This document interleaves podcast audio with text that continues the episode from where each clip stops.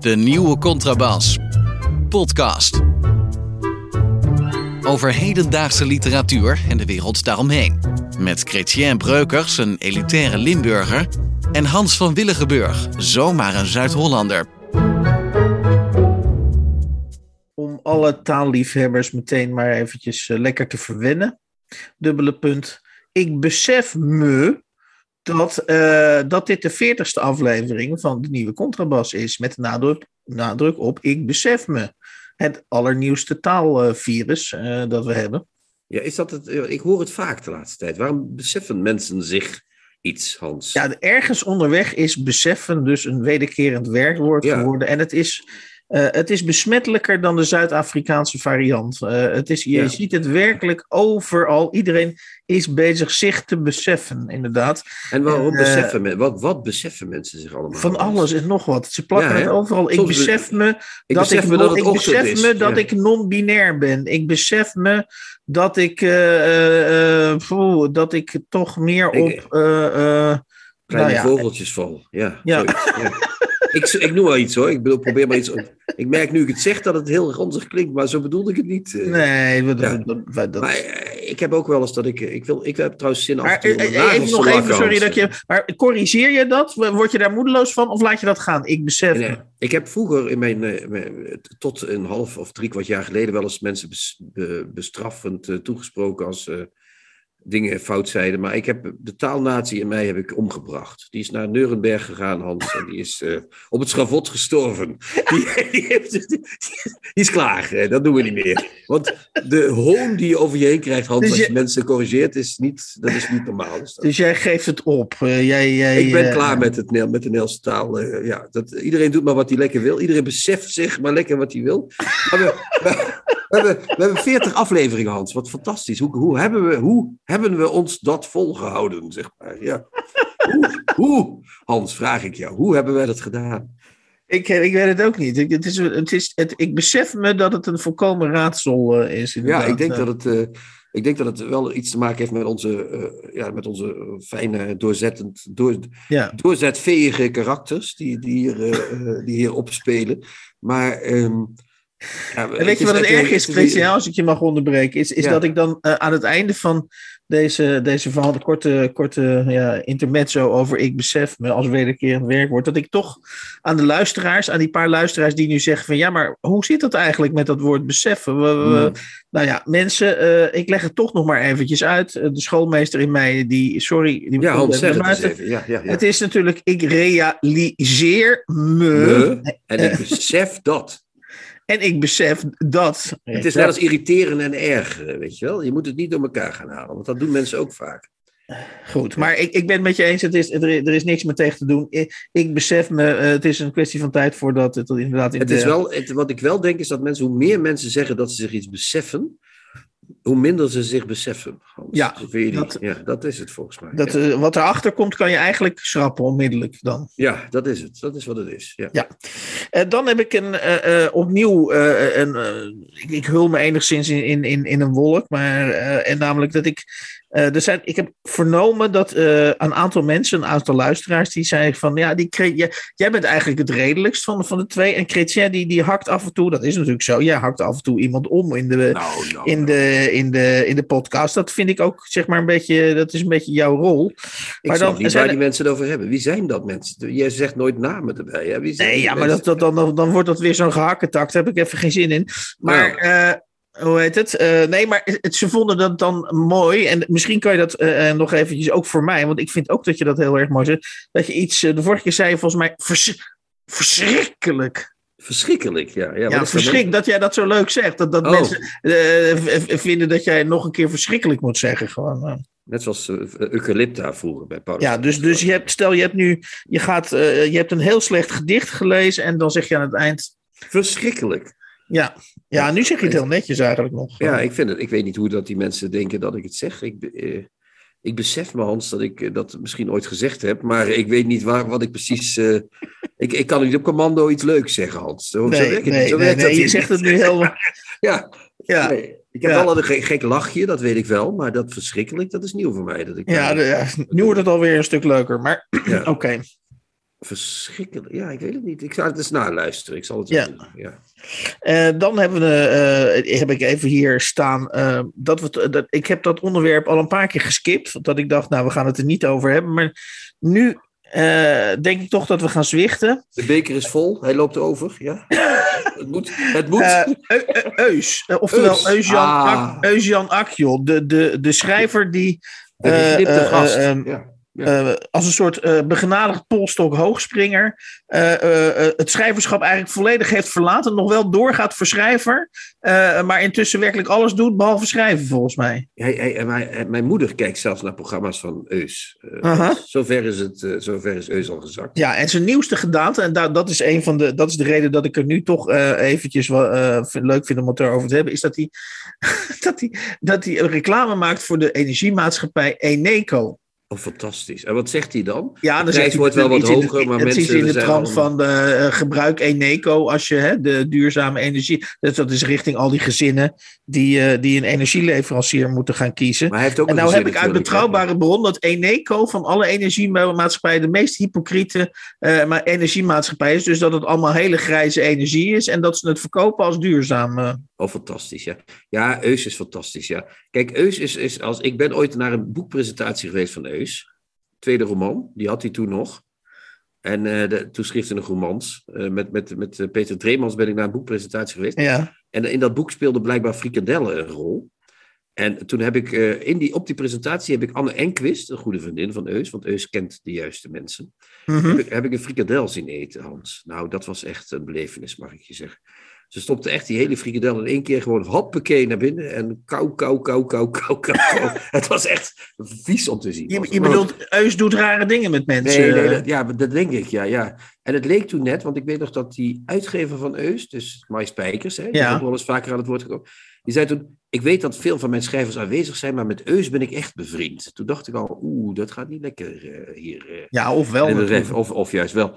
En, eh, maar Eus is daarna inderdaad vrij kort na die tweede roman columnist geworden bij het AD, waar hij alle eh, makkelijke meningen eh, doorgeeft. Hè? Ja. Dan schrijft hij vaak: Men zegt wel eens dat de maatregelen van het kabinet niet eh, deugen, maar we moeten allemaal braaf zijn. Hij is eigenlijk een, een, een, zeg maar een nog deftiger versie van GB Hilterman. Ja. Hij is de GBJ Hilteman van deze tijd. Hij, hij heeft ook een programma dat heet De Geknipte Gast. Dan doet hij mensen knippen. Ja. Als, als, als een soort kapper. Zo. Tjuk, tjuk, tjuk, tjuk, tjuk. ja, ja, kan ja, hij ja. blijkbaar ook al. En hij, Hij heeft doet ook dat, nee, maar dat is, dat is het hele item. Hij, dat programma van Hanneke Groenteman heeft hij maar hij, hij is een multitalent. Laten we dat nou gewoon toegeven. Nee, nee, nee, het is geen multitalent. Hij heeft juist het talent om niks te zeggen. Dat is wat hij heeft. Hij heeft één talent.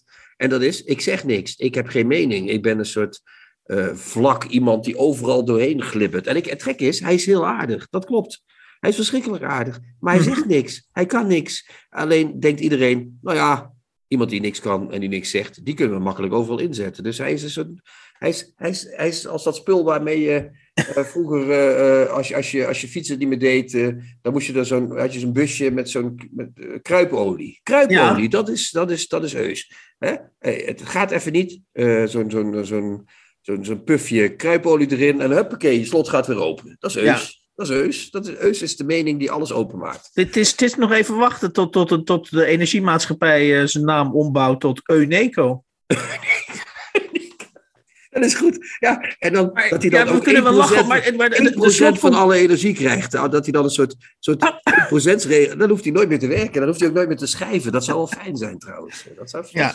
Ja, dus we kunnen er wel hard om lachen, maar die jongen is dus gewoon eh, heel, heel goed bezig. Hij is goed bezig, maar hij heeft geen talent. En dat is, het, dat is zijn grote talent. Dus ik vind hem... Ik zou elke dag... Ik zou elke zondag Eus op bezoek willen hebben. Het lijkt me heerlijk. Gezellig. Alles wordt lekker glad ge- ge- gewiebeld. En het is over... Als je moeder boos is, dan komt Eus. En dan gaat hij zeggen... Ah mama, het valt allemaal wel mee. En als, als, als, als, je, als je vrouw boos is, zegt hij... Kom, kom. Die Chrétien valt ook wel mee. En dan eh, weet hij wel alles te repareren en te doen. Het is Ja. echt heerlijk. Eus. Ja, oh, we willen allemaal Eus. Eus voor iedereen. Elke zondag kruipolie over de vloer. Ja. Ja, lekker man. Lekker, lekker, lekker. Ja, is het heus? Ja, eus, Ja. zegt Erik. Ja. Goed. Ehm, dan heb ik, eh, wil ik nog even met je doornemen. Eh, je weet, ik heb, een, of tenminste, ik heb me al eh, eerder in deze podcast bekend als een abonnee van De Groene. Ik heb er ooit in een grijs verleden zelf voor geschreven, maar daar wil ik natuurlijk helemaal geen aandacht aan besteden. nou, dat doe je wel elke week ongeveer. Dus, ja. Nee, maar daar, daar heb ik. Er is, er is, er altijd. Dus ik zou zeggen, Hans, heb jij ooit voor de goede geschreven? Hans, of niet? Elke die- week zegt die- hij weer, ja, ik heb voor de groene Die. Maar dan ga trommel, ik met verhaal, die trommel met anekdotes wil ik nou juist gesloten houden. Dus, eh, Nou, dat vind ik jammer, want ik hou van trommeltjes met anekdotes. Dat is Ja, ja, en mijn leven. Is. Dus, dus, maar dat is ook een beetje om onze, om onze luisteraars te lijmen en straks een betaald, eh, eh, zeg maar, te doneren aan onze podcast. En dan, trek, ik, dan trek ja, ik speciaal voor hen die, die trommeltje, dat trommeltje wel open. Het trommeltje Anil Ramdas komt dan. eh, Ja. Eh, onder, onder andere. Onder andere. ja, ja, ja. Eh, maar, maar op de achterkant van de Groene, dus van deze week, staat een hele, werkelijk een, een, een, pagina grote, dus op dat glans, dus, niet op, dus echt op de buitenkant, dat glans. Waar Anone altijd staat, zeg maar. Hè? Ja, de Dus- glanzende buitenkant. En Ja. eh, daar staat nu een levensgrote advertentie voor, voor de nieuwste roman van Elfie Tromp. Ah. Pieta heet die, eh, heet die roman. Pieta zeggen wij eh, in het. eh, ja, ja. Ja, oké, Pieta dan. Ja, ja, het is Pieta. een, het is de leven van Maria met, met, met Jezus. Hè? Dat is een Ja, Pieta. ja. Nou, en, en de Rolodex van, van de uitgever De Geus of van, van Elfie Tromp, die is goed gevuld. Ik ga gewoon, en ik, ik stel voor om dat zonder commentaar verder tot ons te nemen. Ik lees even voor. Ik lees even voor wat er in, op de achter, op de groene, op de advertentie over de nieuwe roman Pieta, eh, als ik het goed dan zeg, eh, eh, te lezen valt. Let op. Grappig, visionair en stemt tot nadenken. Adriaan van Dis. Ik heb gehuiverd, hardop gelachen en op mijn nagels gebeten. Saskia de Koster. Een roman over botsende wereldbeelden die getuigt van durf en ambitie, dubbele punt. Veelkantig als een ideeënroman, spannend als een Netflix-serie. Hanna Bervoets. Zeldzaam, dubbele punt. Een geëngageerde roman die je in één ruk wilt uitlezen. Brechtje Hofstede. In zinderend proza toont Tromp, vervreemdend en oergeestig als altijd, haar fantasierijke blik op onze gespannen tijdgeest. Johan Frets. Een wervelend verhaal, Marjolein van Heemstra. Tromp doorziet spelletjes en maakt er een literair spel van, op haar eigenzinnige, onnavolgbare wijze. Abdelkader Benali en dan als laatste. Een stijl zo fijn als een suikerschep. Haar durf en denkkracht hebben me overweldigd. Ellen Dekwits. Ah, Ellen Dekwits. Ah, ja, ja, ja, ja. Ja, oh sorry, geen commentaar hadden we. Nee. We hebben geen commentaar. We, gaan, Nee. we, we kunnen ik heb wel uit. eh, Elfie Tromp was vroeger eh, een eh, soort. vroeger, tien jaar geleden, had ze met Sherry Hormoon een tijdschrift, als ik me dat niet verkeerd herinner. Maar ik weet niet meer hoe dat tijdschrift heette, als ik eerlijk Maar- ben. Maar ze, Ja, ze had op een gegeven moment had ze haar benen in de aanbieding om reclame te maken. Weet je dat nog? Nee, dat we, dat, ik, dus, voel, eh, ik dat- voel een anekdote opkomen. Weliswaar niet uit de groene niet, eh? tijd, maar een, een- zeg maar een andere Uit de soort contrabas, anekdote. uit de oude contrabasdoos eh, komt die anekdote. En toen had ze dus haar benen beschikbaar voor, voor reclame. En toen had ik haar geschreven dat ik wel voor 50 gulden, of eh, 50 euro, sorry, wilde ik wel een week lang aan de ene kant van het been hebben dat de Contrabas de beste website van het land was. En aan de andere kant dat ik, Chrétien Breukers, is de liefste redacteur van het land of zoiets. Maar dat wou ze dus niet doen voor dat geld. Eh, Terwijl ze zei, alles kan. Alles kan qua reclame. En dan neem je haar nu nog kwalijk? Nee, ik neem haar niks kwalijk, maar ze, alles kon, maar niet, niet, niet alles kon dus bij Elfie Tromp. eh. Ja, maar goed, we zullen zien. We, we- ze heeft dus een heel, ze heeft een boek geschreven, begrijp ik, uit deze loftuiting, of niet? Of wat heeft ze eigenlijk gedaan? Wat is er Nou, eigenlijk kijk, gebeurd ik- precies? ik- wat, is, wat is er gebeurd om deze eh, Nou, tsunami aan lof los te maken? Laat, laten we inderdaad. Ik, ja, ik, ik, ben- ik, ik stel voor dat we ons van commentaar onthouden. Eh, ik, ik, stel, ik stel voor, want, want ik zag dat jij het boek eh, bij de uitgever hebt aangevraagd. Dus, ja, dat, dat wijst erop dat we dus, ja, dus- ja. dus dat wijst erop dat we gaan checken of het echt grappig, visionair is. Of het, tot veelkantig. nadenken, of het tot nadenken stemt. Of je inderdaad op nagels moet bijten. Of je inderdaad moet huiveren. Of het inderdaad een veelkantige ideeënroman is. Of het inderdaad spannend is. Of het inderdaad eh, getuigt van een enorme durf. Of het inderdaad geëngageerd is. Of het inderdaad zinderend proza is. Of het inderdaad oer, oer, oer en oer en oergeestig is. Of het inderdaad een fantasierijke blik, get- van een fantasierijke blik getuigt. Of het inderdaad een wervelend verhaal is. Of het inderdaad een geweldig onnavolgbaar literair spel is. En dat het, of het inderdaad haar denkkracht en eh, eh, inderdaad overweldigend is. Tips van de week. Boeken, artikelen of pamfletten die boven het maaiveld uitsteken. Hans, normaal kwel jij mij. En nu, Hans, heb ik eindelijk, ik heb lang gewacht, maar hier was mijn revanche. Ik heb jou gekweld, denk ik, of niet? We hadden een boek, eh, dat, ik heb dat zelf opgebracht. Ik heb een boek van Gustav Peek uh, op, ingebracht in de redactie ja. statuten van, zullen we dat eens lezen? AD, zijn nieuwste roman, net verschenen bij Querido uitgevers. ik dacht, dat is een prachtig boek.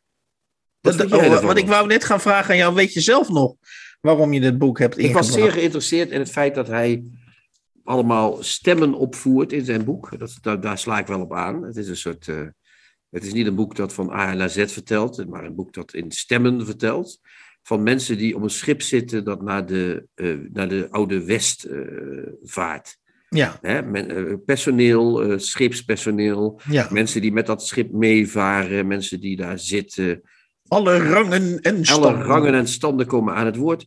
Ik, ik sloeg daarop aan. Ik dacht, ja, dat is interessant als iemand dat schrijft. Ik zal je ook vertellen waarom ik dacht dat dat interessant is. Uh, ik dacht, als iemand uh, uh, iets wil vertellen over ons niet zo roemrijke verleden, zoals we het tegenwoordig noemen, mm -hmm. hè, ons, ons, ons VOC-verleden. van de vaderlandse geschiedenis. Ik zou dat zeggen, de bladzijden van kleur, Hans, zou ik dat tegenwoordig noemen. de bladzijden van kleur van onze geschiedenis, als die dat wil laten, laten zien hoe die waren, dan is het interessant als dat vanuit die stemmen van die onbekende, ons tot nu toe onbekende mensen gebeurt. Dat oh, ja. leek mij een, een mooi uh, uh, ding. Uh, en dat had je je ergens op, op, op, een, op een, op een website of bij de uitgever laten voor, voor dat rad had je je voor ogen laten draaien. Ik had bij dat rad door de, zowel door de NRC als door een aantal andere kranten voor ogen laten draaien. En ik ben Gustav Peek zeer toegenegen. Ik vind hem een interessante jongen. Hij is, hij is een, een, een, een hij is marxist, zoals je weet. Ja, hij, is, hij is van de Peek- en Kloppenburg-families. Ik, ik, laat jou gewoon even lekker, ik laat jou lekker zwemmen, hè? dat hoor ik wil door. Ja, ja, ik zwem nog even door. Hij is uh, van afkomst nogal uh, gefortuneerd. Hij is van de Peek- en Kloppenburgs, uh, dus hij heeft geld, geld genoeg. toch is hij marxist. Dat betekent dat hij vindt dat alles eerlijk onder de mensen verdeeld moet worden. Hè? Dat is wat marxisten doen. Ja, dat is wat hij vindt. Ja. En ik denk dat hij daarom ook tot zijn boek is gekomen, waarin hij natuurlijk al die arme mensen een stem wil eh, geven. Dus zijn politieke stellingen. Is dat niet, ja, nu ga ik toch wel ingrijpen. Ja, gaat, niet nou, ja, nou, dat gaat al vrij snel. Ik zwem net, zeg maar. Dus ja, laat komen. Ja, vertel maar. Wat is dat? Hey, ja, maar ik bedoel, wat is er nou vermoeiender dan een, een teller uit de Peek- en Kloppenburg-familie die, eh, die miljoenen bezit. En, en ik heb wel eens gehoord dat hij zich jaarlijks een ton laat uitkeren uh, uit een een of andere stichting. En die dan uh, denkt, ja, wat, zit ik, wat, wat doe ik hier op aarde behalve vegeteren? Nou, weet je wat? Laat ik inderdaad uh, die stemmen uit ons, kolonia, uit ons duistere koloniale verleden, laat ik me daar eens mee ja. bezig houden. Ja. Is er, een, is er een, een, een beter recept voor ellende? Nou, daar is uh, op zich, uh, denk ik. Eh, er zijn, dat, dat is een goede vraag, Hans. Dat meen ik echt serieus. Ik denk dat als jij uit een gefortuneerde familie komt en je gaat schrijven.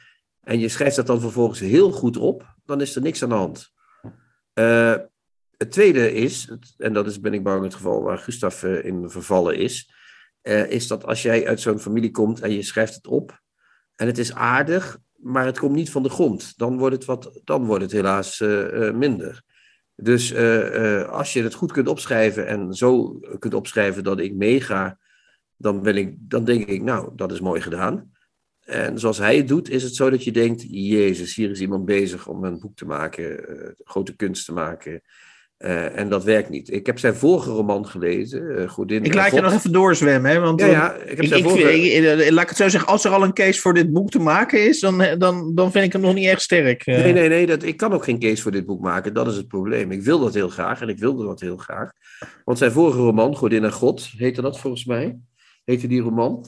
Uh, nou, dat zou ik nog even nakijken. Nee Godin, nee, Godin Held heette die roman. Sorry, ik ben heel slecht in titels. Dat is een uh, omgekeerd vertelde uh, liefdesgeschiedenis. Mm -hmm. Dat vond ik echt geniaal. Dat vond ik heel goed gedaan. Heel uh, Oh, ik, ik, noteer geniaal. Dan, uh, ja, dat vond ik echt een goed boek. Daarom ben ik ook uh, natuurlijk op dit boek afgesprongen. Ik dacht, oh, ja, is dat die, die gaat nog een keer okay, geniaal ja. doen. Maar hier zie ik toch vooral een poging om... Ik, vind, ja, ik kan geen case maken voor dit boek, Hans. Dat is wat, je hebt wel gelijk. Het is een, een interessant, het is interessant doenerij, is het uh, vandaag. Ja, want ja. ja nog, ik zal, zoals ik het gelezen heb, maar ik heb het dus uh, niet uitgelezen. Ik, ik, ik, kon, ik werd hier echt gillend gek van.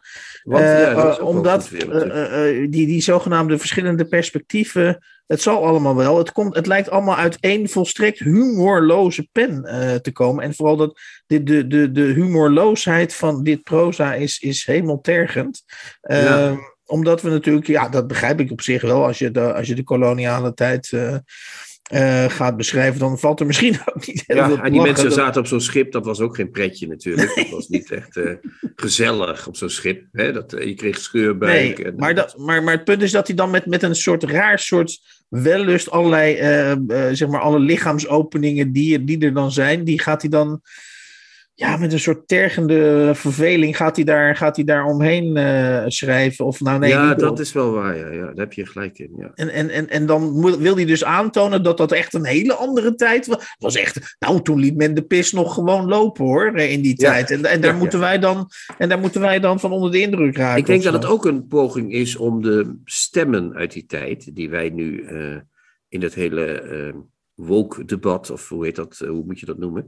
Die, die we proberen af te keuren, hij maakt die, uh, al die mensen uit die tijd ook menselijker. Hè? Dus in die zin zou je kunnen zeggen dat het een poging is om die mensen niet alleen als, als daders neer te zetten, maar ook als slachtoffers van hun tijd of zoiets. Hè? Dat, dat zou ik nog een positieve uh, vinden, wat je dan uh, in dit boek ziet. Ja. Dat, dat, dat dat mensen zijn die, die, die, die, die AD, dus Anno Domini, in die tijd, in, in dat jaar, 1597. Waren, waren, precies, toen waren die mensen zo zoals ze in dit boek zijn.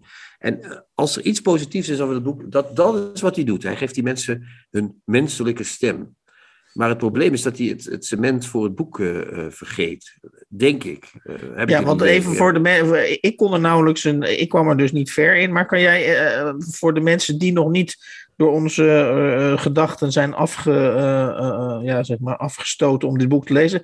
Kunnen we nog iets zeggen over waar het over gaat, behalve dan over een schip dat naar, met een bepaalde koers... Nee, nee, dat, dat blijft zo doorgaan. Het wordt steeds iets strakker. Het, het, op een gegeven moment concentreert hij zich rond een paar personen. In het begin waaieren al, komen al die personen aan bod. Dat waait enorm uit, dat boek. En op een gegeven moment gaat er dan wat, uh, ontstaat er een soort focus op een, een zes of zeven mensen. Zes maar of zeven kunt, maar. Ja, dat, maar, je okay. kunt, maar je kunt niet zeggen dat het, dat, het, dat het boek ergens in die zin. dat er een verhaal is, of dat er een lijn is, of dat er een. Maar dat hoeft ook niet, vind ik. Dat, nogmaals, als hij het geniaal had opgeschreven, dan mag dat voor mij alle kanten opschieten. Maar dan, ja. dan is het gewoon een goed boek. Maar goed, dan hebben maar, we dus maar, nog. Een, ja, maar dan hebben we dus nog een zeg maar overtreffende trap, uh, wat mij betreft, in, uh, in, uh, in, in, ja, hoe zullen we dat eens noemen? Want er wordt dus in de NRC, Thomas de Veen, vriend van de show, die, ja. die vindt het volgens mij ook een, een, verschrikkelijk boek. Maar ja, die denkt bij zichzelf, Gustav Peek, toch een gerespecteerde auteur. Hoe kan ik die weerzin en hoe kan ik deze toch tamelijk ja, ingewikkelde leeservaring, hoe kan ik die toch in een recensie nou handen en voeten geven? Nou, let op, dat, let op jongens, Thomas de Veen aan het woord. Dat vergt een inzoomende leeshouding. Je wordt ja. als lezer gedwongen telkens stil te staan, je te oriënteren, je af te vragen wie dit is, wat deze woorden betekenen. En dat is nog los van de vragen waarin het schip, de raas en de rusten zitten, wat het, wat het eigenlijk zijn. Peek doet niet aan toelichten of verduidelijken. En dat maakt Anno Domini AD een zeer, let op, hier komt hij. Dat maakt AD een zeer uitdagende leeservaring. Ah, en geen uniek proza deze keer, of wel? Dat, nee, geen uniek proza. Maar goed. Maar, maar het is wel uh, redelijk uh, erg. Ja, ja, ja. Dat, is, dat, is, dat betekent, hier is Thomas aan het worstelen ook, hè, om, om er nog wat van te maken. Ja. Um, ik denk dat het, uh, uh, het boek van, van Gustav, die ik nogmaals, ja, ik heb, een, heb wel een bootje voor hem, als ik eerlijk moet zijn. jij niet, jij houdt niet van Marxisten. Ik, ik hou wel van. dat, dat, dat, dat zeg ik niet, maar niet van Marxisten die met, met een, de laatste model Zweedse kinderwagen door Amsterdam paraderen en, en inderdaad nog eventjes ja, haar, nog even een haartjes, nog even zijn haartjes kamp voordat hij naar buiten gaat, inderdaad. Oké, okay, bent, ja, maar jij kampt je haar nooit, Hans. Ja, hallo. Ja. Hè? Maar, dat, maar, maar, maar, maar, maar die, die, die uh, hoe heet het? Um, ik heb een bootje voor hem, maar dit, dit, ja, ik ben bang dat ik toch, ja, ik heb, jij had wat uh, krediet verspeeld toen je mij uh, met Eggers en met Cognetti opzadelde, maar ik ben bang dat ik nu weer een, ja, ik heb me vergist, Hans. Dat is okay. het enige wat ik kan zeggen. Ja, ik, ik, zal, ik neem jou, hoe zullen we jouw houding omschrijven? Jouw schuldbewuste houding neem ik voor kennisgeving aan. Ja, op naar het voor. Want je hebt nog een boekje gelezen om ons te troosten. Ja, een boekje. Gaat maar weer denigreren. Of was het een groot boek? Sorry, ik dacht dat je zei dat het een klein boek nee, was. Nee, dat is best. Uh, dat is een boek. Uh, even kijken. Van bijna 300 pagina's. Dus oh, sorry, nee, dat is geen boekje. Nee, ik dacht nee, dat dat, dat maar een serieus boek. Ja. Zoals je weet heb ik de ambitie om in de nieuwe Contrabas podcast ook af en toe een, uh, een non-fictieboek te, te, te, te recenseren. En dat is dit keer Ons Geld is Stuk van eh, Bert en Peter Slachter. Waarvan ik weet dat Bert Slachter in ieder geval uh, wiskundige is. En volgens mij is zijn broer Peter. Uh, hij is redelijk briljante wiskundige. En zijn broer Peter is volgens mij ook behoorlijk ver in de wetenschap. van Jan Slachter, of niet? of niet? Nee, dat geloof ik niet. Nee, dat, dat, dat geloof ik niet.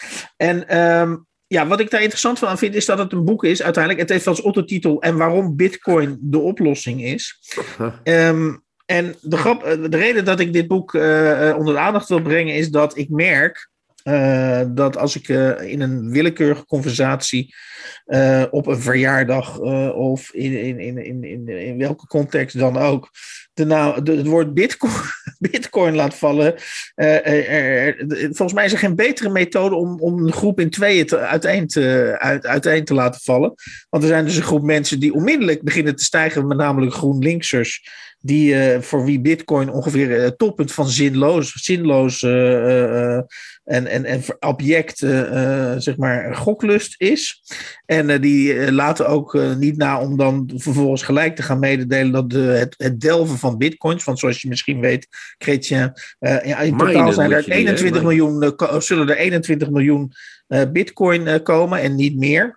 En uh, inmiddels zijn er al 19 miljoen en nog wat zijn er gedolven. Maar voor de, voor de resterende 2 miljoen is nog heel wat terawatt energie nodig. En dan gaan die GroenLinksers die gaan aan je, aan je oren hangen van ja, dat is een schande, dus en dus en zo. Nou ja, dus dat ken je allemaal wel. Dus aan de ene kant heb je de verklaarde tegenstanders. En dan heb je natuurlijk de, de mensen die stiekem toegeven dat ze bitcoins hebben. en tot die groep Jij behoor ik zelf. Je hebt toch een bitcoin of niet? Ja, ik, ik heb niet één bitcoin bitcoin of niet? Als ik nu één bitcoin had, dan, uh, dan, dan, dan zat ik hier waarschijnlijk niet achter, uh, achter de microfoon. Nee, dat is onzin. Maar... Hoe heet het? Nee, heb je uh, maar, nu is maar die dus... schijnen 1 miljoen waard te worden. Hè? Die schijnen 1 miljoen waard. Nou ja, goed. Dat laat ik even aan jou. Maar, maar het leuke van dit boek is dat het bitcoin, en dat vind ik echt heel belangrijk, het neemt, het neemt bitcoin als verschijnsel serieus. In zijn, in zijn, in zijn in zijn mogelijk oplossend vermogen, maar ook in uh, het niet uh, geheel ondenkbeeldige scenario dat het, het gaat sneven. En um, dus, dus dat vind ik heel verhelderend. En dus met andere woorden, er, worden niet, er wordt niet weggedoken voor de nadelen of, de, of, de, of de, de, de vraagtekens rond Bitcoin. Dat wordt allemaal keurig uitgelegd. En wat ik mooi vind, is dat eigenlijk de slotconclusie van Bert en Peter Slachter, die overigens zelf waarschijnlijk ook Bitcoin hebben. van Peter Slachter weet ik dat zeker dat hij zelf Bitcoin ook heeft. Um, is dat zij zeggen. Um, Bitcoin gaat nooit uh, uiteindelijk doordringen tot, de, uh, tot het dagelijks uh, geldverkeer. Met andere woorden, die toekomstvisie die wijzen zij zelf ook af. Maar wat zij zeggen is: Bitcoin zal een geldsysteem worden wat andere systemen, uh, want er komen ook nieuwe ge uh, geldsystemen. Onder andere de Europese Centrale Bank gaat binnen, zoals nu gerekend wordt, uh, binnen een jaar of vijf met een digitale euro komen.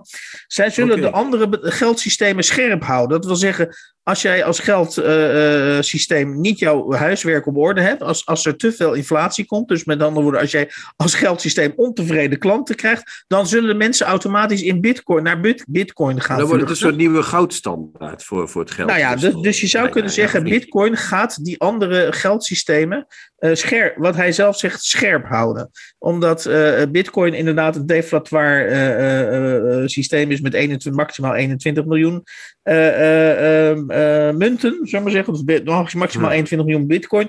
En een van de interessante uh, scenario's die, die, die Bert en Peter Slachter in dit boek doornemen, is dat uh, zij zelf zeggen: dit is een onwaarschijnlijk scenario. Dus ze zeggen zelf al: uh, de kans dat Bitcoin de dominante uh, geld, de dominante valuta in de wereld wordt, die is heel klein. Dus dat vinden ze zelf niet erg waarschijnlijk. Maar ze zeggen: als, als het wel zo mocht zijn, als Bitcoin inderdaad als winnaar over de, uit de bus komt, dan krijg je een, een maatschappij waarin, uh, waarin deflatie dus permanent is. Dus maar, waarin mensen niet worden aangemoedigd om iets te kopen, maar om juist kopen uit te stellen. Want uh, die bitcoin, die worden, die worden dag na dag na dag, week na week na week meer waard. Dus met andere woorden, je, je, krijgt dan in theorie krijg je dan, een, krijg je dan een economie waarin het uitstellen van, van aankopen beloond gaat worden. en dat is oh, dat zou ik zo mooi vinden. Dan krijg je een soort black Black Friday, maar dan andersom. Dat je ja. kopen, maar dat, want dat is, uh, hè, we nemen op op Black Friday vandaag. Ja. Maar dan zou je dus geen Black Friday meer hebben, maar een soort uh, white uh, year. Dat we gewoon niet meer, we kopen gewoon even een jaartje niet, jongens. Ja, ja. Als, ja. als er iets goed voor het milieu is, dan moet het dat toch wel zijn, niet? Denk je niet? Precies, precies. Dus met andere woorden, ik, ik, ik denk dat, uh, dat ook de GroenLinksers, om ze maar eventjes te framen, en alle mensen, eh, andere mensen eventueel ter linkerzijde, uh, met gerust hart. en ik denk ook het boek Ons Geld is Stuk van Bert en Peter Slachter moeten lezen voor een interessant en niet gebiased betoog over het verschijnsel Bitcoin. Heerlijk, Hans. Meer bitcoins dus, ja. Voorbij Lobit. Onterecht onzichtbaar gebleven schrijvers uit het buitenland. We stappen in de boot en we varen naar Lobit. En dan varen we naar het oosten of het westen daarna, Marika. Welkom. Waar gaan we heen? Uh, naar Duitsland ah, gaan we. Waarheen? Wie, welke auteur uh, heeft u gelezen? Ja, wij, ik wil graag uh, aandacht vragen voor het werk van Oela Haan. Aha. Een veelzijdig auteur, om het zo te noemen, maar voor alles, althans voor mij, een uh, dichter. Um, en daar wil ik vandaag wat, uh, ja, wat dieper op ingaan. Ja, leeft Oela Haan nog, om te ja. beginnen? Ja, Oela Haan is uh, in 1946 geboren. ze leeft nog en ze is ook zeer actief, ook nog als auteur. dit jaar verscheen er een, um, uh, nog een gedichtenbundel van haar, Stille Trommel. Ja. Um, een paar jaar geleden, twee jaar geleden, verschenen haar verzamelde gedichten. En um, zij is, is gedebuteerd in 1981. Dus ik rekende uit dat het ook nog eens een keertje 40 jaar, dat zij 40 jaar actief is als dichter. Maar ik heb begrepen dat Oela Haan is een grootheid. Even, even, even, even, even uh, er is een grootheid, een literaire, kunnen we zeggen dat zij een literaire grootheid is in Duitsland die wij dus nagenoeg niet kennen? Ja, dat kan je wel zo zeggen. In Nederland is er uh, één uh, korte roman ooit vertaald en voor de rest is al haar werk, um, dus alle dichtbundels, essays en ook romans, daar hebben we het straks denk ik nog wel eventjes over, okay. is onvertaald. Oké, okay, dus het is wel echt missiewerk van de nieuwe contrabas dat we Oela Haan uh, uh, naar voren schuiven. Ja, oké. Okay. Ja. In 81 begon ze met dichten. Ja, maar, in 81. Toen, wat gebeurde er toen allemaal? Um, nou, toen was ze al 36, want zij is, uh, is eerst keurig een, allerlei andere opleidingen gaan doen. Is um, wel gevangen door de literatuur. En dat literatuur heeft ze ook echt gevoeld, um, altijd als een ontsnapping uit het benauwde uh, leven waar ze vandaan kwam uit een arm gezin in, in, um, in, in, het westen van Duitsland, opgroeiend in de jaren 50. Um, zij heeft Germanistiek gestudeerd en is ook gepromoveerd, maar uiteindelijk uh, vond zij uh, het maar niks, een um, leven als wetenschapper. En wilde zij echt schrijven en losschrijven, los van de voetnoten, zeg maar. En dat is ze gaan doen en toen is zij gedebuteerd en dat die eerste bundel, Herz über Kopf. Um, in feite is dat al een, bijna een programmatische titel uh, voor haar poëzie. Daar kwam zij mee in 81 en dat sloeg in als een bom in 1981. Ja, dus wat, wat met... was de bom die insloeg? Uh, iemand die herz over kop uh, koos? Of, of, of nee, nou ja, heel apart? Um, zij debuteerde met die gedichten. En dat is, er zijn dus allemaal gedichten waar het hart uh, duidelijk um, uh, de, de, voorrang heeft. Ja. Um, de, de, kop, de ratio, de reden is um, voor haar op allerlei manieren, ook in de manier waarop zij poëzie schrijft, niet ik kan niet zeggen niet van belang, maar het hart prevaleert. En daarmee bedoelt ze ehm, ook dat de gedichten gaan over uh, veel uh, hartszaken, dus liefde en dood en verdriet en, uh, en de afscheid en dergelijke. Maar en daarmee boorden ze een heel, heel breed publiek aan, begrijp ik. Ja, ja maar het is ook omdat de, de, haar stijl heel lyrisch is. En op dat moment, in de jaren tachtig, was dat een breken met... Toen was het misschien wat meer hermetisch nog. De hermetische trommel werd nog wat meer... nou, ik denk dat zij juist, precies. En dat zij dus met een ongelooflijk op het eerste gezicht, want het is toegankelijke verzen komt die heel lyrisch zijn. En zij heeft zich ook altijd daar heel erg voor uitgesproken, voor de lyriek. Zij grijpt ook terug op grote Duitse voorbeelden van dichters, Heine bijvoorbeeld. Um, ook soms letterlijk in gedichten waar ze een soort um, uh, dialoog aangaat met die met grote Duitse dichters. Heel romantisch, hè, op de romantici in zekere zin. Nou ja, dat was in 1981, viel dat uh, soms um, bij sommigen heel goed en bij sommigen niet zo goed. Maar zij is die stijl altijd blijven hanteren. Um, en wat ik het mooie vind van haar gedichten, is dat ze heel erg ja, heel toegankelijk lijken en misschien ook wel zijn. Maar als je twee keer leest um, of drie keer, dan worden ze steeds mysterieuzer of steeds. Ik denk aan Jack Gilbert, die heb je eerder behandeld. Is het ja. zoiets? Ligt ja, het in die is? Of? Ja, daar zou je het mee kunnen vergelijken, hoewel het hele verschillende dichters zijn. In, ja. uh, Gilbert in zijn, zijn beschrijving van uh, de alledaagsheid om hem heen, dat is bij haar wat minder uh, het geval. Daar verwijst ze wel naar, naar die alledaagsheid, maar ze doet het anders dan um, Gilbert. En wat zij ook doet, is dat zij veelvuldig gebruik maakt zonder dat dat geforceerd wordt of een trucje van, um, hoe noem je dat ook alweer? Uh, jullie zijn de poëziekenners. Um, waarin zeg maar zinnen, het, einde van zinnen ook het begin zouden kunnen zijn van de volgende, als je begrijpt wat ik bedoel. Dat ze adjuvementen inzet, of ja, dat bedoel je niet? Ja, precies, ja. dat bedoel ik, dankjewel, ja. Ja, ja, ja. ja, ik, ben heel erg, ik ben heel erg toe aan een gedicht van Oela Haan. Ja, ja, ik ook, zo ja. ik net zeggen, ja, ja. Nou, ik heb twee gedichten uitgekozen, overigens uit haar derde bundel, die heet Spielen, Spielende. En ook daar kan je, de, de spielende, de, de spelende vrouw, maar het is ook het einde van het spel. Um, uh, dat zit erg in die bundel een uh, bundel uit, nou ja, ook ergens in de jaren tachtig, want ze heeft uh, achter elkaar uh, gepubliceerd toen. Ik zal even kijken. Let, ze 1984. De, de derde bundel was al, um, of de tweede bundel, ik weet het niet meer, maar in elk geval al kort daarop. Het zijn twee gedichten. Um, ik heb één gedicht, um, hoewel ik natuurlijk geen vertaler ben, maar heb ik geprobeerd te vertalen. maar ik zal beginnen met het Duitse gedicht. En daar is die dubbelzinnigheid al enorm aanwezig. Unheimlich heet het, een onvertaalbaar woord, uh, onheilspellend, uh, beangstigend. Nou ja, wij noemen het niet voor niks in het Nederlands unheimlich ook. Hè? Het is niet te vertalen. Ja, nou, wij, wij zeggen unheimisch, maar dat oh, ja. ja de Duitsers zeggen... niet meer. Zij zeggen unheimlich. Ja. Um, er zit natuurlijk ook iets in, het is niet het huis, het is niet het thuis. Goed, ja, daar ja, gaat ja, ja, ja, ja. Onhuiselijk, ja, fantastisch. Unheimlich, milde war der Tag plötzlich da. Morgens ging ich aus dem Haus, witterte nichts, lag in der Luft. Du warst verpufft in den Sonnenstrahlen, schillerte siebenfarbig, dein Staub legte sich auf mich und wie er in mich drang, wie nie zuvor, mein Geliebter. Wir waren an diesem Morgen ein unheimlich schönes Paar. Ja, ik snap wat je bedoelt. Ja, ja. Dat is heel mooi. Dat is ook inderdaad. Het begint met een uh, uh, uh, natuurbeschrijving. Dan schakelt ze door naar de liefde.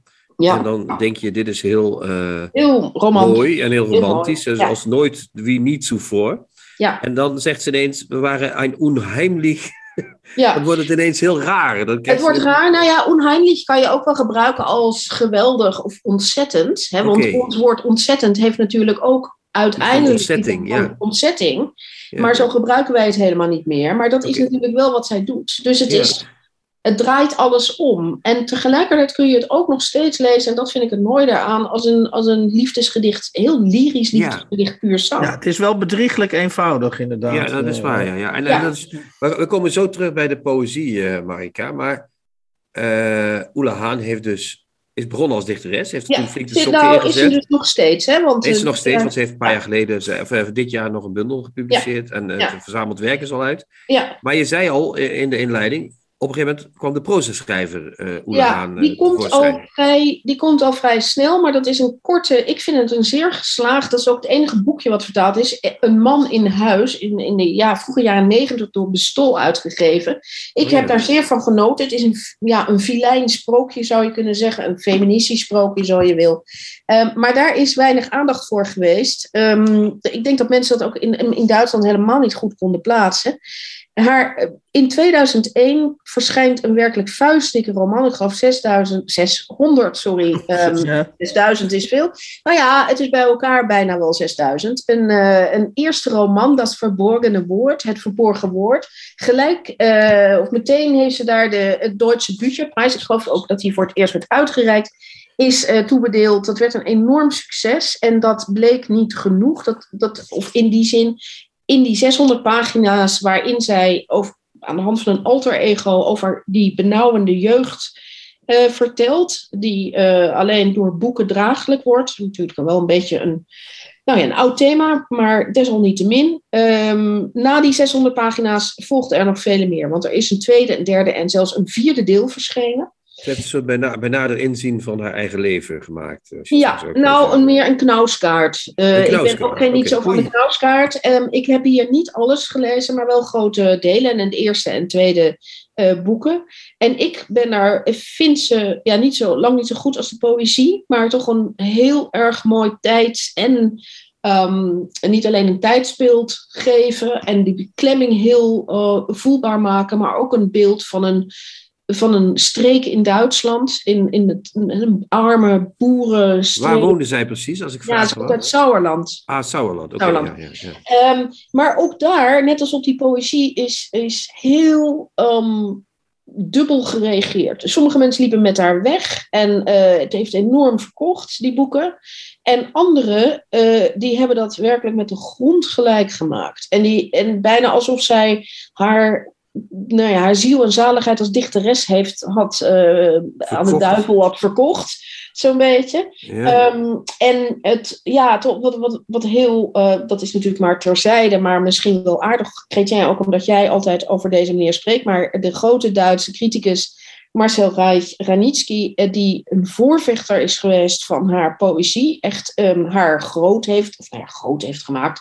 Ja, Eh, maar- die mag Nou, altijd. die Hij eerste- kon, hij hij kon heeft de auteurs eerste- maken ja. en breken. Ja. Hij Ja, schreef nou, een dat- dit- pagina grote recensie over haar eerste bundel. Ja, dus dat hij was heeft nogal een ervoor eh, gezorgd dat die dingetje. was dat. gedichten, Ja, die ja. kwamen binnen bij de FAZ, Ja. bij de Frankfurter Allgemeine Zeitung. En toen heeft hij, hij was literatuurcriticus, en hij heeft ervoor gezorgd dat gelijk zes eh, werden gepubliceerd. Ja. Ehm, dus hij was een enorme voorvechter. En vervolgens heeft hij in een legendarische, Eh, eh, legendarische uitzending, heeft hij, en bijna op beschamende wijze, heeft hij eh, de vloer aangeveegd en haar de grond ingestampt. Ja, een infantieles boeg. ja, hij, was daar, hij ging daar ehm, veel te ver in, denk ik. Niet alleen omdat je niet boos of niet boos mag zijn. Hij was natuurlijk ook heel emotioneel altijd, emotioneel betrokken. Maar omdat hij daar ehm, ook, vind ik, echt onjuistheden eh debiteert. Maar goed, ehm, hij, eh, het grote publiek heeft dat wel, heeft haar romans zeker ook omarmd. En Hans, wat jij zei, ja, ze is een grootheid. Haar poëzie wordt op scholen gedoseerd. Mhm. Ehm, en niemand kent dat hier. En zij is ook, dat wil ik ook nog eventjes benadrukken, zij, ehm, ook omdat zij een aantal gedichten heeft geschreven, gericht aan een andere dichter, een dichteres, eh, Gertrude Kolmar, Ah, ehm, ook hier niet bekend. En, Nee. ehm, dat is iemand die zij een beetje uit het stof heeft getrokken. Een Joodse dichteres die in 1943 is gestorven, of vermoord, moet je natuurlijk gewoon zeggen. En zij heeft die gedichten bezorgd. Ehm Kolmar is ook een grote dichteres eh, geworden in, in, in Duitsland. Hoe oud is die Ehm, Colmar geworden dan? eh, als Die is mag? eh, s- 49, zag ik. Ja. ik heb het gauw oké. Ja, opgezocht. dus die is, in, in, die is eh, in 43 vermoord. Vermoord Ja. in Auschwitz. Ja, en, ehm, en heeft en Haan voelde zich niet natuurlijk vanwege haar uh, dood, maar wel vanwege de thema's en ook het lyrische en het, nou ja, dat Parlando misschien ook wel, wat Kolmar ook wel heeft, enorm verwant met haar. Dus zij heeft ook veel gedichten geschreven over hoe zij de poëzie van Kolmar leest.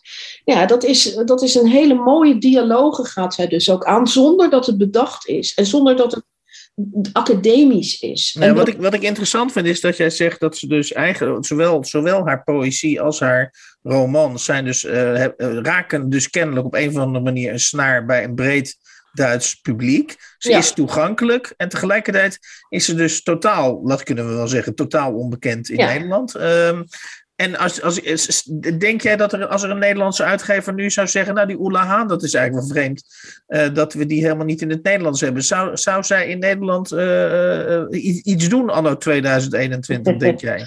Nou, die romans lijken me nog wel leuk, of niet? Ook als ik dat zo hoor. Zo'n tijdsbeeld, nou ja, romans, dat is wel in, toch? Of niet? Het is, ja, dat, dat, wel. Dat is wel een lastige klus, omdat ook een groot deel in dialect is, wat ook oh, te okay. lezen is. Maar dat maakt het misschien wat lastiger. Ja, en waarom niet de poëzie? Um, ja, dat is waar. Um, ik, ik, heb het zelf gevonden. Nou ja, omdat poëzie natuurlijk heel moeilijk ja, maar, is om te Ja, we kunnen de vriend, de, de vriend van de show, Mark Vleugels, die geeft mooie dichtbundels uh, van internationale faam uit. Ja. Dus misschien moet die een keer uh, aan de oele halen. Want ik, uh, jij hebt zelf iets, je bent er zelf al begonnen, Mark. Nou ja, maar dat is meer een, omdat dat een soort hobby van mij is. Dat ik het, als ik het heel mooi vind, dan uh, probeer ik het uh, te vertalen. En, um, en, en, en uh, maar goed, ik heb natuurlijk geen vertalersopleiding. Um, dus ja, maar toch willen we het horen. Ja, maar ik ga niet zo bescheiden voor de draad. Nee, nou, nou ja, zeg jongens. Um, het gedicht heet, ik ga dus niet in het Duits voorlezen, ik ben nu ook weer kwijt. Het gedicht heet Was blijft. En dat, dat, is nog niet uh, vertaald, Maaike. Dat is nog niet vertaald. Dat is dat is, ik heb geen, ik heb geen uh, opleiding genoten, maar ik vertaal dat als uh, ongediplomeerd vertaler als wat blijft. Ja, wat overblijft of wat blijft. Ik heb er ook wat blijft. Ik, ja. goed, ik lees het voor. Wat blijft is de Zwitserse klok. Jij hebt je niet in vodden gehuld. Wat blijft zijn twee handtassen, LP's, wat gouden ringen. Veel smekend papier. Twee koffiekoppen, betaalde twee persoonskamers, eten en drinken een nieuwe bandenset en een tussenjas voor de overgang. Ja, heel mooi. Fantastisch. Ja, ja dit is inderdaad mooi hoor. En dat zijn maar, hoeveel regels zijn dit? Zes of zo? Uh, 1, 2, 3, 4, 5, 6, 7, 8, 9. Ja, maar dat, ook dat verschuiven van het perspectief weer. Van ja. wat blijft is dit, dit, dit, dit, dit, En dan die jas aan het eind. Dat maakt ja. het eigenlijk geniaal. Ja, dat was heel lastig te vertalen. Ik heb met tussenjas. Het, wat er staat is een weermantel. Dus het is een, een, een nog moeilijker ja, een weermantel is een overgangsjas, zoals wij dat dan weer. Nee, een weermantel kan je niet vertalen. Maar overgang zoals vrouwelijke overgang of ja, een overgangsjas nee, in het seizoen? Nee, nee, nee. Een overgangsjas is een tussenjas, heet dat bij ons. Ja, dat heet zo. Ja. Übergangsjakke. Ja, ja, Nee, dat is een jas voor als het niet, nog niet. Um, ja, ja, een tussenjas heet dat. Dat heb je goed vertaald, denk ik. Ja, ja, ja. Um, nou ja, nee, want het heet een weermantel. En dat is natuurlijk veel mooier. Een weermantel voor den übergang. Nee, ik vind tussenjas een van de mooiste Nederlandse woorden. Ja, het is prachtig, ja. maar het weren en het afweren zit er niet in. Hè? En, dat, dat, en dat is enorm. Maar, zullen we afspreken dat jullie in een apart hoekje, in een apart gesprek nog even dit, deze detailkwestie nee, nee, nee. eventjes... Nee, maar dat tussen uh, is, ook, nou, dat is ook een vorm van afstand. Hè? Tussenjas een tussenjas. Ja. Er zit ook afstand in, toch? Dat, ja, afweer, precies. Ja, dat, is ook ja. tussen, een tussen nou goed, ik heb voor tussenjas gekozen. Fantastisch, ja. Nou, jongens, nou, ik zou uh, zeggen, hup, uitgevers van Nederland aan het werk. Uh, Oela Haan. Ja. Oela Haan. Oela Haan zal het zijn. Moet je horen. Hans leest een favoriete passage voor uit een boek dat hij onlangs gelezen heeft. Freud deed altijd een tikje spottend als mensen zo bijgelovig waren om een betekenis toe te kennen aan de toevallige herhaling van een getal of een woord. En meer inhoud en waarde aan eventualiteiten wilden geven dan mogelijk was. Of juist bang waren dat het misschien zo zou zijn. Bang waren voor de een of andere samenzwering tussen psyche en al het andere zodat ik me, toen ik Das Unheimliche las, in die belachelijke periode waarin ik mezelf als interessant voer voor psychologen beschouwde, zodat ik me voorstelde dat Freud, net als ik, misschien aan het tegenovergestelde probleem leed. In die zin dat hoe vaker een woord of naam werd herhaald, hoe minder die begon te betekenen, hoe minder alles begon te betekenen. In plaats van inhoudelijk aan kracht te winnen, vervluchtigen de woorden tot louter klank.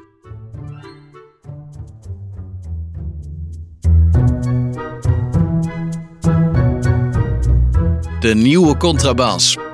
Podcast.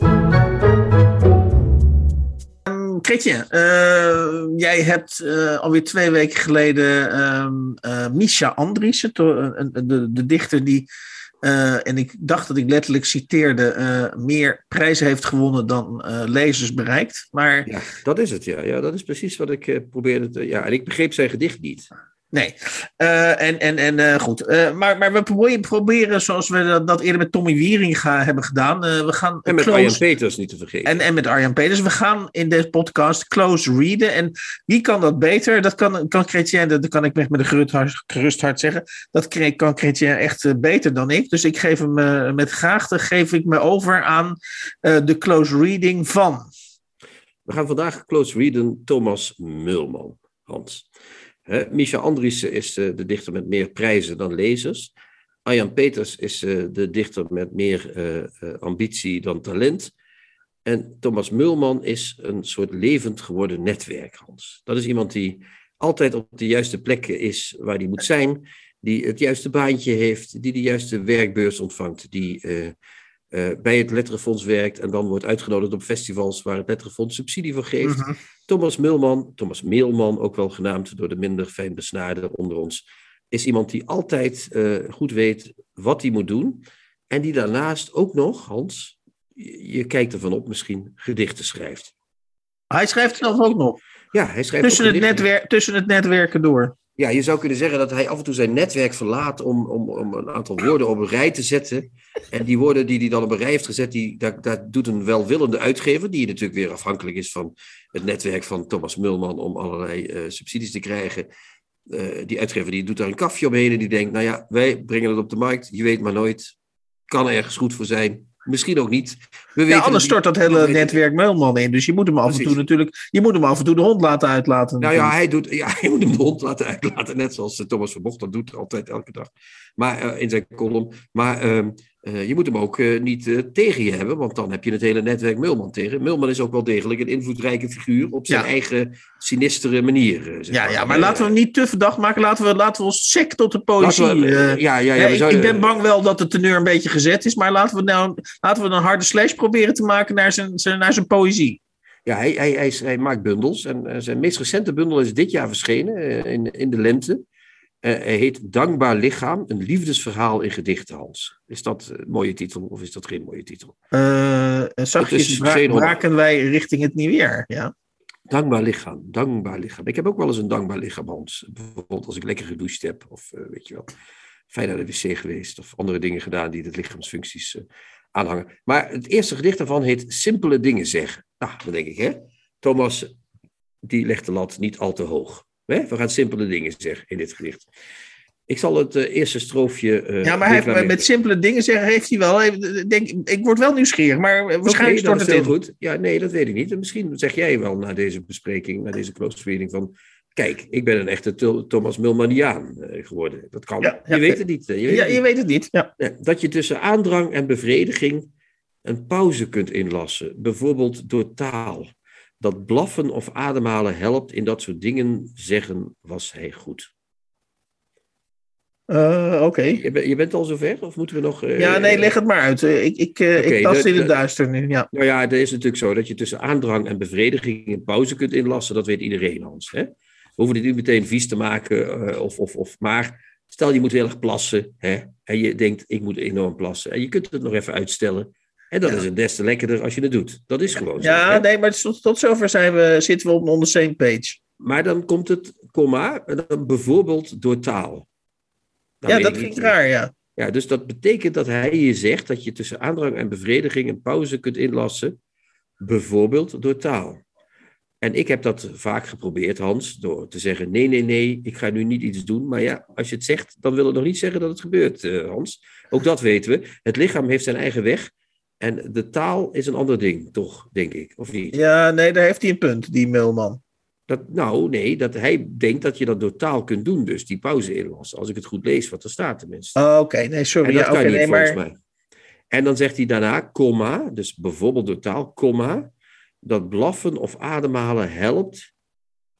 Dat blaffen of ademhalen helpt. Dus niet meer taal, maar blaffen of ademhalen. Mhm.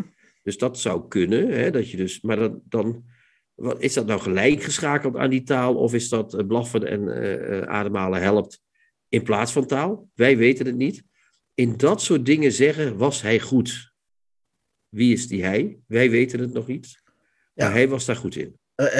Zit, hier wordt geswitcht tussen het dierlijke en het menselijke. Zit ik dan goed? Dat, dat denk ik dat hij dat bedoelt. En ik vrees dat hij dat bedoelt. Maar hij zegt het niet, maar hij suggereert het wel. En dat is wat alle slechte poëzie doet, Hans. Slechte poëzie suggereert en zegt niet. En deze poëzie die suggereert alleen maar. En we kunnen daardoor tot nu toe, en we zijn pas op vier regels van de eh, veertien, het is een soort sonnet, eh, eh, kan ik zeggen dat het suggereren nog niet helemaal geholpen heeft. We gaan naar strofe 2, Hans. Misschien ja, ja, wordt ons daar het licht, misschien wordt het licht aangestoken in strofe 2. Dat de maan en de zon elkaar als hopeloos... Nee. Ja, dat de maan en de zon elkaar als hopeloze liefjes najagen. Het licht op je onderarmen valt als een mes. Je glas half voller wordt met elke slok. Hij had er de woorden voor. Ah, nu begrijp ik het al iets beter, toch? Hij beschrijft hier namelijk wat die dichter, hè, die, de, de, de dichter, denk ik. Mhm. Ik vrees, Hans, dat we in een poëticaal gedicht zitten. Dus in een gedicht dat gaat over de poëzie. Ja. Ehm, dus er er is iemand die goed is. Hè, in de eerste strofe, in dat soort dingen zeggen was hij goed. In deze, hij had er de woorden voor, in deze tweede strofe. ja. Eh, en hij had er woorden voor dat de maan en de zon elkaar als hopeloze liefjes najagen. Het licht op je onderarmen valt als een mes. Je glas half voller wordt met elke slok. Daar heeft hij woorden voor. Dus. ja. Maar die woorden Is een ode niet. aan zijn eigen dichterschap wellicht? Nee, nou, dat zou ik bijna vrezen, want wat hier staat is dus een aantal, nou, die staan drie enorme platitudes, namelijk dat de maan en de zon elkaar als hopeloze liefjes najagen. Het licht op je onderarmen valt als een mes, ook een cliché van, van, van epische proporties. Eh, je glas half voller wordt met elke slok. Ja, dat is toch echt net alsof je. Half voller, ja. Dat Ja, half voller, hè? dus niet half leger. Nee, want dat mag niet. Het glas is half leeg of half vol. Dus het, we zitten hier zelfs op het glibberige pad van de woordspelingen. Hij had er de woorden voor. Dus we hebben nu al twee strofen lang, vrees ik, eh, geluisterd en eh, ge- ge- gelezen Ja. over de zelffelicitaties van Thomas Mulder. Ja, naar een dichter die, die, die zijn taal dus machtig Ja. is. Ja. Ja, terwijl die daar eh, tot nu toe in acht regels niks anders gedaan heeft dan zeggen: Ik weet het ook niet, lieve mensen, ik sla er ook maar een wilde slag naar. Net zoals Andries de vorige keer. En dat is, heel dat is echt heel, net zoals Ian Peters ook, dichters die niet weten wat ze moeten zeggen, die gaan dingen zeggen waarvan je denkt: Auw, auw, auw, waarom zeg je die nou? Ja. Hè? Die, die, laat het, laat het zitten. Dit is dus. Maar goed, misschien rehabiliteert eh, Thomas Meulman zich in strofe 3. Ja, want we hebben nu acht regels en we krijgen er nog zes. Dus we hebben een soort, met een soort sonnet van doen. En in een sonnet komt een wending, zoals we weten, Hans. Ja. En daar gaan we dan. Het geeft niet als je stokt. Het is niets. Je staat overeind met je mond vol tanden. Je weet er geen draai aan te geven, geen grap te bedenken die, die, die deze situatie redt. Je staat overeind, bijvoorbeeld door taal, gewoon adem blijven halen of blaffen.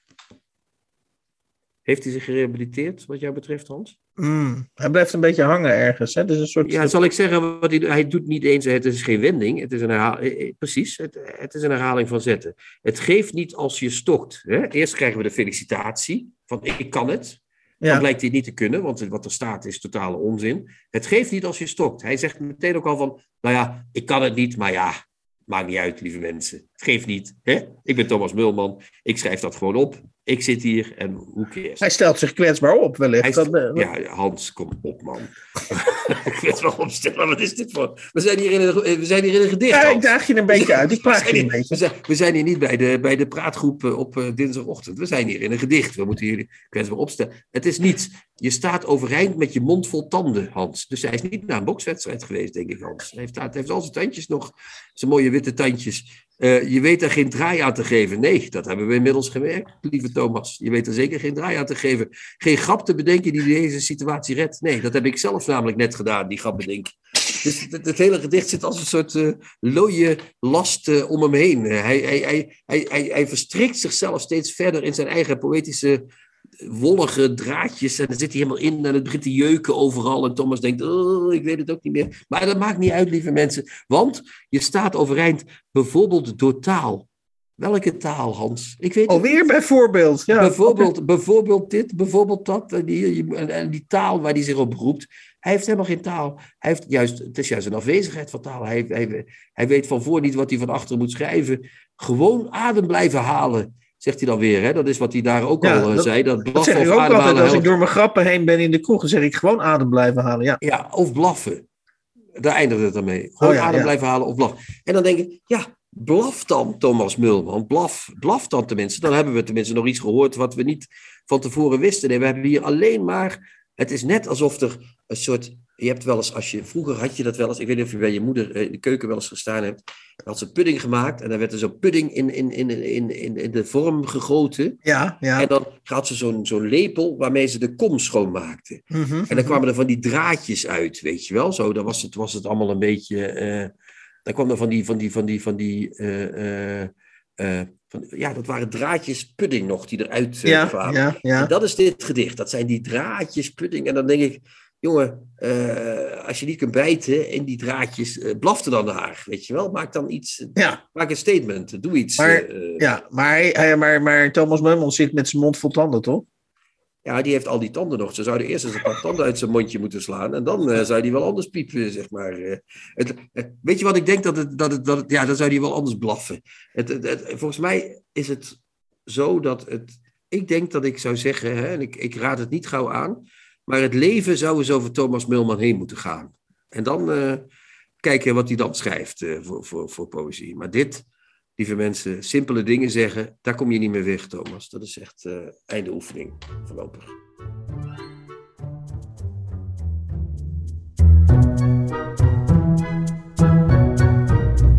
De nieuwe Contrabas. Podcast. We zijn er, Hans. We zijn er doorheen. In de 40ste aflevering van de nieuwe Contrabas podcast ehm, behandelden wij in onze close reading rubriek eh, de bundel Dankbaar Lichaam van Thomas Meulman. eh, met als ondertitel Een liefdesverhaal in gedichten.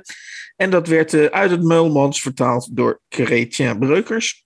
Eh, dan ehm, bespraken we in de, in de rubriek Tips eh, de roman Anno Domine, kortweg, sorry, Anno Domini, sorry. Is AD, anders, AD van Gustav Peek, verschenen bij het uitgeverij Querido in 2021. En deed ik een manhaftige poging de ingewikkelde materie rond de bitcoin te bespreken naar aanleiding van het boek Ons geld is stuk met als ondertitel en waarom bitcoin de oplossing is, verschenen bij Hollands Diep in 2021. En tot slot eh, las ik een passage voor uit de prachtige roman Europa van Tim Parks eh, uit 1997, verschenen bij de Arbeiderspers en eh, vertaald door Corine Kieseling. Ehm, en dan moeten we ook nog even zeggen, Hans, dat Marika ons ingeleid heeft in het oeuvre van Oela Haan. Eh, een vrouw met, eh, veel, die veel dichtbundels heeft gepubliceerd. Eh, ze heeft zelf eh, prachtig werk voorgelezen. En ook vier of vijf heel eh, dikke romans heeft geschreven. Dus er zit eh, qua verkoopbaarheid, verkoopbaarheid niet aan, het, eh, interessante, niet aan de interessante kant van het spectrum. Maar we hopen toch hè, dat er uitgevers zijn die zeggen... Kom, die Oela Haan, die nemen we. Toch? Ja, alle uitgevers die naar de nieuwe Contrabas eh, luisteren, ehm, kijk eens even of onderzoeken eh, ja, het oeuvre van Oela Haan. Tot de volgende week, lieve luisteraars. Nee, ik moet, ik moet nog even de, Oh ja, de- de, het adres. ja, ik moet nog even het e-mailadres. eh, eh, dus, dus als er reacties zijn, dan kunnen die naar podcast.denieuwecontrabas.blog. Ik herhaal podcast.denieuwecontrabas.blog. Tot 41. Ciao, ciao. De nieuwe Contrabas podcast wordt gemaakt door Chrétien Breukers, Hans van Willigenburg en Erik Lindenburg.